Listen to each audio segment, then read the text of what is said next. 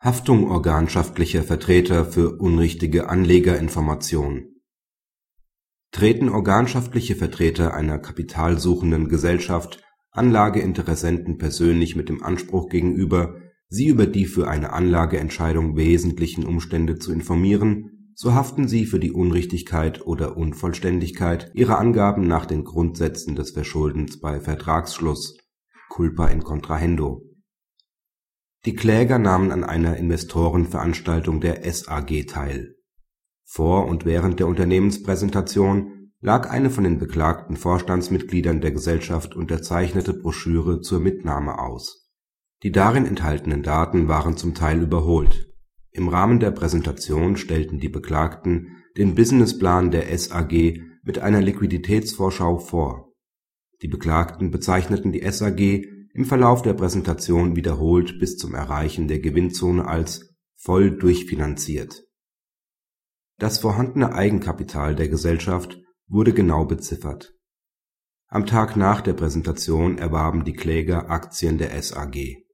Wenige Monate später zeigte der Vorstand den Verlust von mehr als der Hälfte des Grundkapitals der Gesellschaft an. Kurz darauf wurde über das Vermögen der SAG das Insolvenzverfahren eröffnet. Die Kläger verlangen von den Mitgliedern des Vorstands Schadensersatz für ihre Investments. Zunächst stellt der BGH fest, dass es vorliegend, entgegen der Auffassung der Vorinstanz, nicht auf die Qualifizierung der Broschüre als Prospekt im Sinne der allgemeinen zivilrechtlichen Prospekthaftung ankommt. Eine nähere Einordnung konnte insofern unterbleiben, weil die als haftungsbegründend angesehenen unrichtigen Angaben der Beklagten im Rahmen der Unternehmenspräsentation nicht in der Broschüre enthalten waren. Entscheidend ist aus Sicht des BGH, dass die Beklagten im Rahmen ihrer Unternehmenspräsentation nicht nur das durch einen Prospekt vermittelte typisierende Vertrauen, sondern ein persönliches Vertrauen der potenziellen Anleger auf die Richtigkeit und Vollständigkeit ihrer Information über die SAG in Anspruch nahmen. Dies führt zu einer persönlichen Haftung, wenn die Garanten, hier die Vorstandsmitglieder der SAG, Anlegern bei einer Unternehmenspräsentation persönlich mit unrichtigen oder unvollständigen Informationen gegenübertreten. Dem kann nicht entgegengehalten werden, dass das Verhandlungsvertrauen eines künftigen Anlegers grundsätzlich nur der Gesellschaft nicht aber ihrem Geschäftsleiter persönlich entgegengebracht wird. Dies gilt nur für normale Verkehrsgeschäfte.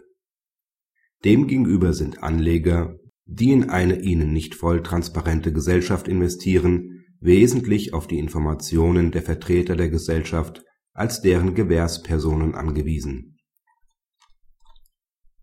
Praxishinweis im Mittelpunkt jeder Investor-Relations-Arbeit steht die Equity-Story des Unternehmens, die es gekonnt zu erzählen gilt, um Investoren zu gewinnen und möglichst langfristig zu binden.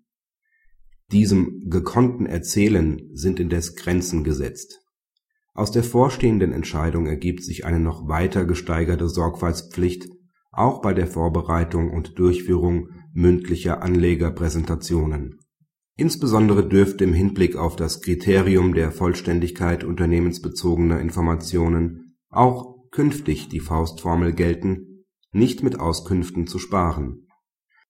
Im Zweifel ist eine klare und unmissverständliche Chancen-Risikoanalyse angebracht